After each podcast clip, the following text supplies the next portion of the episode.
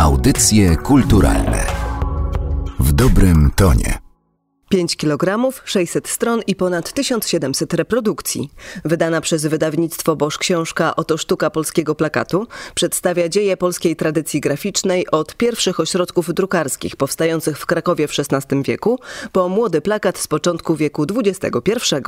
W audycjach kulturalnych rozmawiamy z autorami Dorotą Folgą Januszewską i Lechem Majewskim.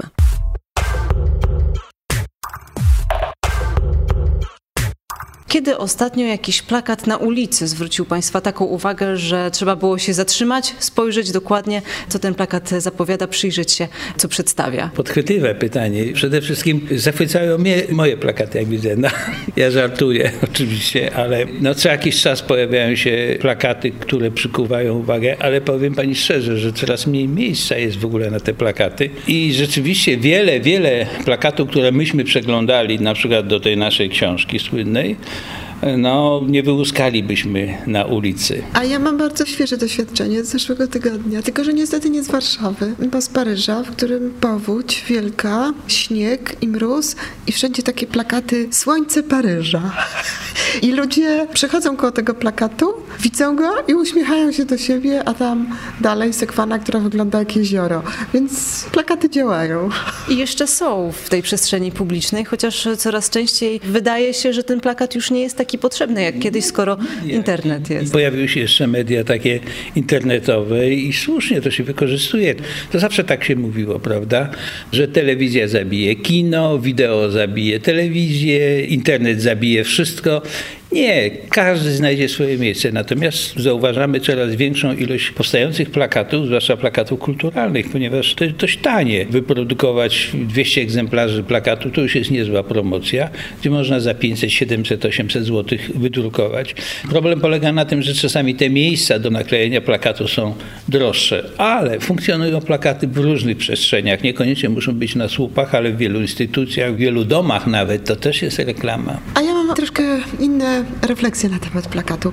I one właściwie w tej książce, którą zrobiliśmy, zostały przedstawione. Na samym początku, kiedy pojawiła się grafika reprodukcyjna, która miała bardzo wiele tych samych funkcji, które ma dzisiaj plakat, czyli łączyła słowo i obraz, coś zapowiadała i służyła informacji, to ona była bardzo niewielkich rozmiarów, dlatego że nie potrafiono wtedy jeszcze ze względów technicznych drukować na drogim papierze w tak dużym rozmiarze, jak dzisiaj, czyli najczęściej 100 na 70 czy 100 na 80. I ten rozwój tego typu komunikacji wizualnej, gdzie słowo i obraz zostały tak skonstruowane, żeby szybko dowiedzieć się o co chodzi, rozwijał się przez cały XVI, XVII i XVIII wiek. W XVIII wieku już był dosyć duży. Potem był jeszcze coraz większy, coraz większy. W XIX i XX wieku artyści już robili takie formaty, które pozwalały na zobaczenie tego plakatu nawet z dosyć dużej odległości. W drugiej połowie XX wieku sprawa osiągnęła swój zenit, kiedy plakatami zaczęto pokrywać całe budynków i robić takie kolosalne banery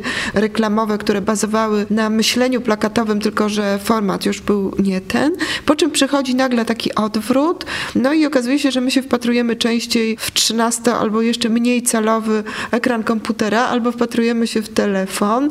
W związku z tym ten obraz projektowania informacji wizualnej musi być znowu dopasowany do mniejszego rozmiaru. I taka inwolucja zachodzi, czyli znowu zmiana myślenia graficznego, tak żeby w tej mniejszej skali również działał. To wszystko jest w gruncie rzeczy plakat, czyli ta etymologia słowa plakat, czyli informacja, która ma dotrzeć szybko i ma być wizualna. tak, wizualna, ale też i tekstowa i ma być taką informacją zewnętrzną, to znaczy ona nie służy do długiej kontemplacji, do zastanawiania się, tylko do przekazania pewnej informacji, która ma zaczepić. I właściwie to pod tym względem różne były okresy w historii pewnie będą różne. Książka Oto sztuka polskiego plakatu przypomina właśnie korzenie tej komunikacji wizualnej, tych plakatów, których możemy się doszukiwać nawet w czasach starożytnych. To znaczy na pewno plakat miał to do siebie, że był powielany. Znaczy jego istotą było to, że kiedy opracowano pewną konstrukcję obrazu i słowa, która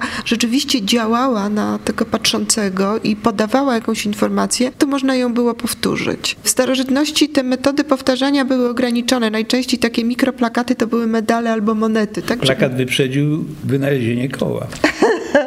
Tak, ale dla mnie ta łączność między projektowaniem rewersów monet, a później myśleniem plakatowym jest bardzo bliska, bo tam też chodziło o to, żeby szybko pokazać obraz. Na przykład wszyscy poddani powinni byli rozpoznać swego króla, a jeszcze ci, którzy umieli czytać, powinni się dowiedzieć, jak się nazywał. Nie mówiąc już o wartości nominalnej kruszcu, z którego ta moneta była bita. W związku z tym ten proces obrazowania na metalu potem przeszedł do odbijania na papier, bo przecież moneta w swoim systemie na dobrą sprawę była matrycą, którą potem zastosowano do druków. Więc ta tradycja rzeczywiście jest bardzo stara. Ona liczy kilka tysięcy lat. I w obliczu tego, że historia plakatu jest e, tak długa, tych e, prac, które można było chcieć przedstawić e, w albumie jest naprawdę ogrom. W jaki sposób podeszliście Państwo do składania tej książki? Ja wiem, że ona w trakcie pracy się rozrastała. Liczy teraz 600 stron, ale czy takie dzieło w ogóle może być skończone? My będziemy kontynuowali oczywiście zadania, ponieważ tak jakoś się już zdarzyło. Ta książka zamyka się na roku 2014, więc jest taki jakiś dystans, ale są to pewnego rodzaju działy, etapy historyczne i etapy problemowe. W sumie jest dziewięć rozdziałów takich tematycznych, a ostatni rozdział to jest taki kolejdoskop. Chcemy pokazać po prostu, co się dzieje, prawda, którzy twórcy żyjący i niestety niektórzy już zmarli w takim normalnym układzie alfabetycznym. To daje też w ogóle taki ciekawy pogląd, bo te plakaty zawierają się w przeciągu tam gdzieś ostatnich 10 lat. Ale te wszystkie historie związane z plakatem jako idealnie kombiniują z historią Polski. To nie jest coś takiego, że plakat sobie gdzieś tam się rozwijał, rozwijał. Nie, rozwijał się z paru względów. Tak jak wcześniej powiedziałaś o wynalezieniu druku. Później następowały zmiany technologiczne, pojawia się litografia w XIX wieku, no wybuch niesamowity rozwoju plakatu i tu się pojawia już taki bardziej współczesny polski plakat, gdzie wszyscy artyści zachęceni w ogóle tym medium ciekawym, wykonywanym na kamieniu litograficznym, jak Mechofer, jak Wyspiański, jak Formiści, prawda? Wielu, wielu, wielu artystów angażuje się w robienie plakatu. To niejako w dalszym ciągu się rozwija, rozwija, pojawia się okres Politechniki, czyli przedwojenny plakat wspaniały, który gdzieś tak trochę zapatrzony we francuski plakat szkoły Cassandra i innych. No i po wojnie, prawda, wybuch, niebywały wybuch, zwłaszcza na początku plakatu filmowego, czyli Polska Szkoła Plakatu. A później tak ciurkiem, ciurkiem wszyscy się garnęli, bo jeszcze trzeba pamiętać, że plakat polski był zawsze robiony dla Polaków. Polacy potrafili to czytać i w okresie, prawda, utraty niepodległości tacy malarze jak Malczewski, jak Matejko, jak wielu innych potrafili posługiwać się tą metaforą przenośnią, czyli tym kontekstem, który wszyscy to czytali. No i ten plakat powojenny bardzo, bardzo rozwinął.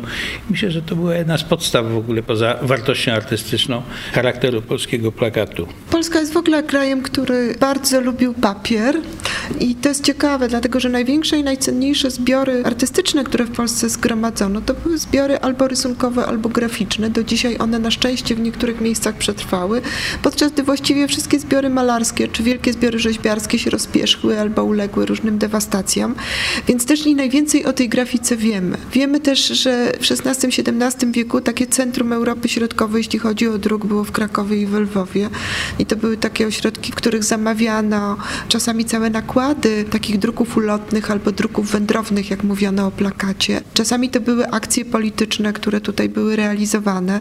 Trzeba pamiętać, że Polska XVII-wieczna to było spotkanie bardzo wielu różnych kultur i tradycji religijnych i te tradycje religijne też właśnie wykształciły pewien kod zapisów kulturowych, symbolicznych, którymi się dzisiaj wszyscy posługujemy. Tutaj był grunt, w Polsce był grunt do tego, żeby stworzyć bardzo dobrze opracowane systemy zapisu graficznego, czyli tej umiejętności budowy takiego komunikatu obrazowego. Ale jest jeszcze, wydaje mi się, inna ciekawa, jakby druga twarz tej książki, bo ona właściwie opowiadając o plakacie opowiada o różnych wydarzeniach historycznych i też różnych socjologicznych kontekstach.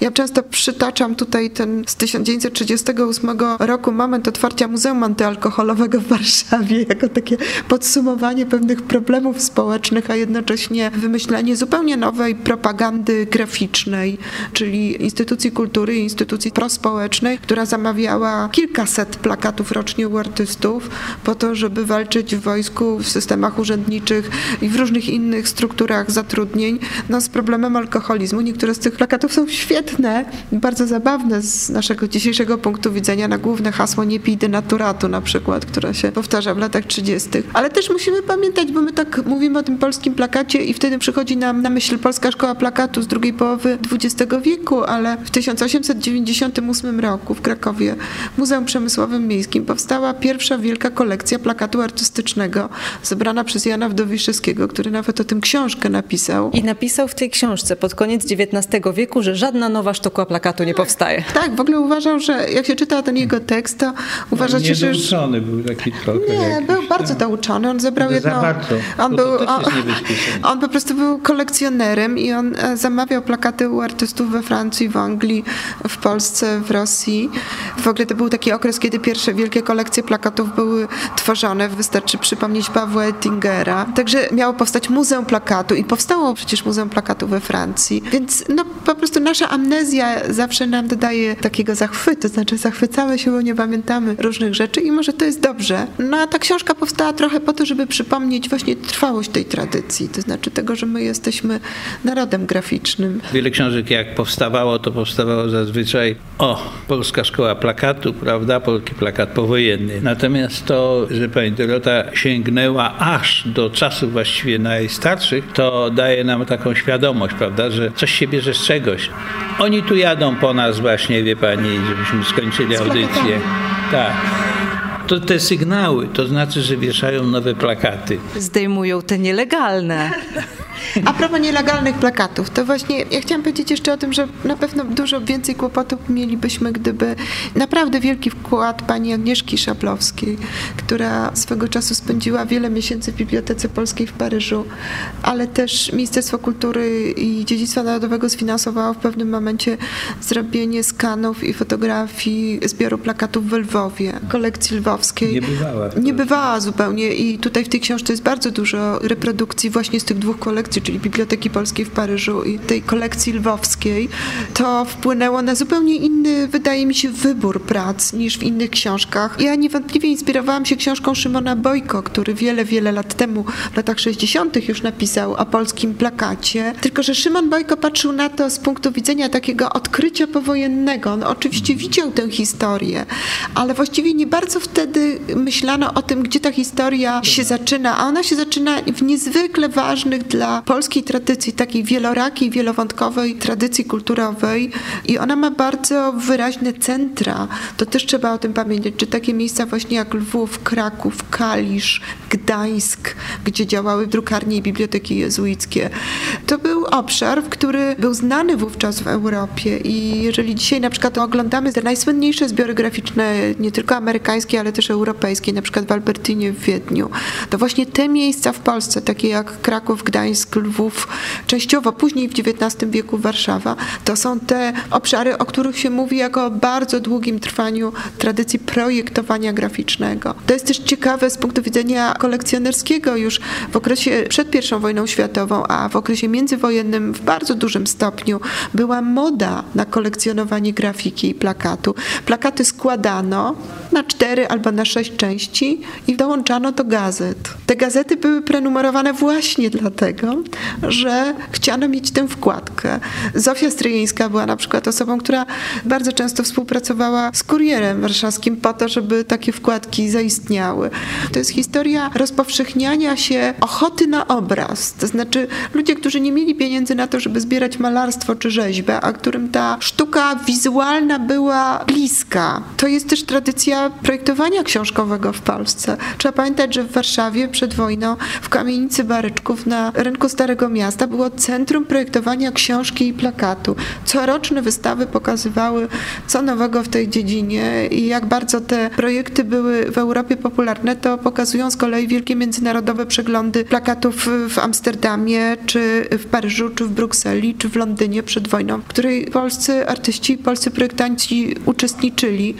Oczywiście po wybuchu wojny bardzo duża grupa tych artystów wyjechała na Daleki Wschód, na Bliski Wschód, do Anglii, do Stanów Zjednoczonych i to była też przyczyna, dla której ta infekcja polskiego plakatu rozniosła się daleko w świat i potem miała jak wrócić. Więc ja myślę, że ta książka jest też troszkę o tym. Chciałam powiedzieć jeszcze o jednej ważnej rzeczy. Dla mnie to, że w tej książce są najmłodsi artyści, o właśnie jeden przyszedł, Mateusz Machalski, to jest e, takie otwarcie się tej książki na ciąg dalszy. Ja bym sobie, nie, gdzieś tam głęboko marzyła o tym, żeby właśnie to następne pokolenie pociągnęło tę historię, również opisując ją i jakby notując, bo to jest taki dziennik zdarzeń wizualnych. No, akurat to młode pokolenie ciągnie bardzo się lwie do robienia plakatów. Trzeba pamiętać, że ta myśl, w ogóle sposób posługiwania się tym językiem, który jest zawarty w plakacie, on się rozprzestrzenił na wiele różnych innych, czy to mediów, billboardy, to są też plakaty. Mówimy o dobrych, prawda, rzeczach. Okładki książkowe, tak, wszędzie różnego Opakowania. rodzaju opakowania, to wszystko, co wymaga działania, prawda, takiego natychmiastowego, natychmiastowego anonsu ubranego w formie plastyczną, no to wszystko jest z tego samego źródła. Tu się nic nie zmienia. Ja projektując książki stosuję metody dokładnie takie same jak w plakacie. Czyli najpierw, co to jest? Najpierw Dwa. czytam książkę. Najpierw czytam, tak, po parę razy czytam, bo muszę po prostu wiedzieć, gdzie, w którym miejscu, co. Autor tyle razy nie czyta książki swojej, co ja czytam, bo muszę. Następnie analizuję, dobieram środki, prawda, i dopiero wtedy włączam swoją emocję, żeby za pomocą emocji opowiedzieć to, co jest zawartością takiego świata, bo to świat jest, książka to jest taki świat zamknięty, prawda. Trochę nawet ciekawiej niż w filmie, bo w filmie tylko leci, a tu możemy cofnąć się, prawda, tu też przestrzeń i czas można wydrzeć, tak, co się nie podoba. To oczywiście ma swoje zasady, czy książka, czy plakat ma swoje zasady, ale pierwsze to wiemy, co chcemy przekazać, wiemy, co chcemy uzyskać u odbiorcy. Chodź Mateusz, chodź. Mateusz Machalski, doktorant na Wydziale Grafiki.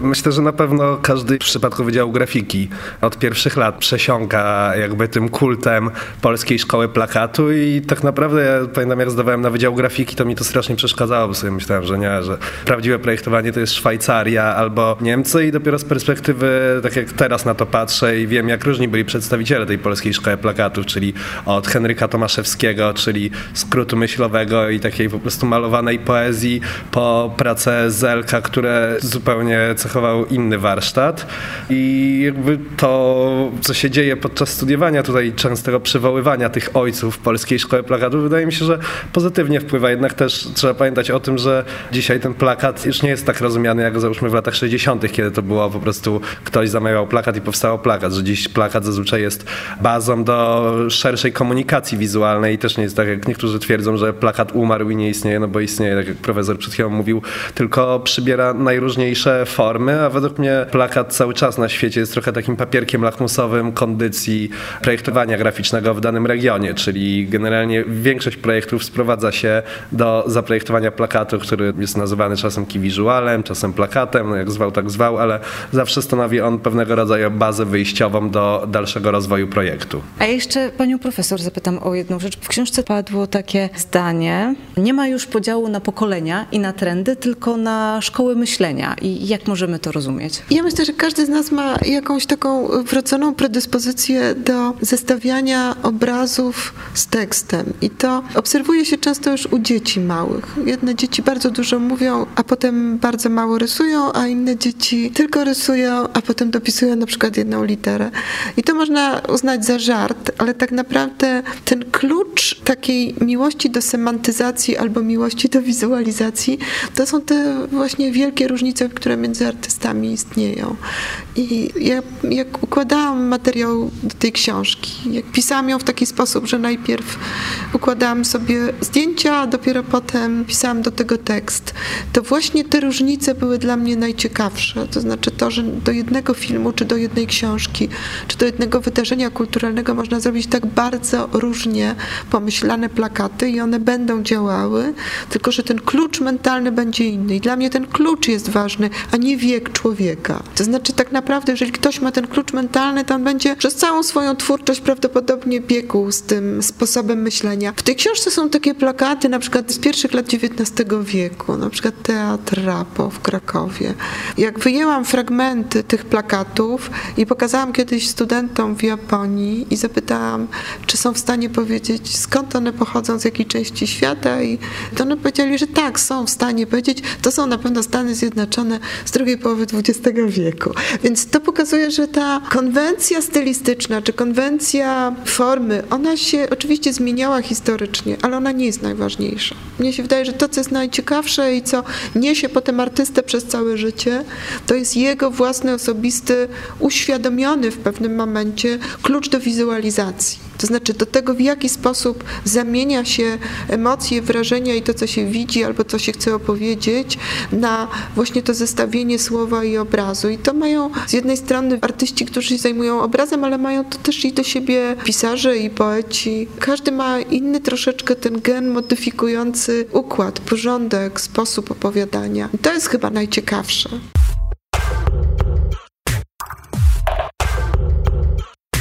Materiał przygotowała Magdalena Miszewska. Audycje kulturalne w dobrym tonie.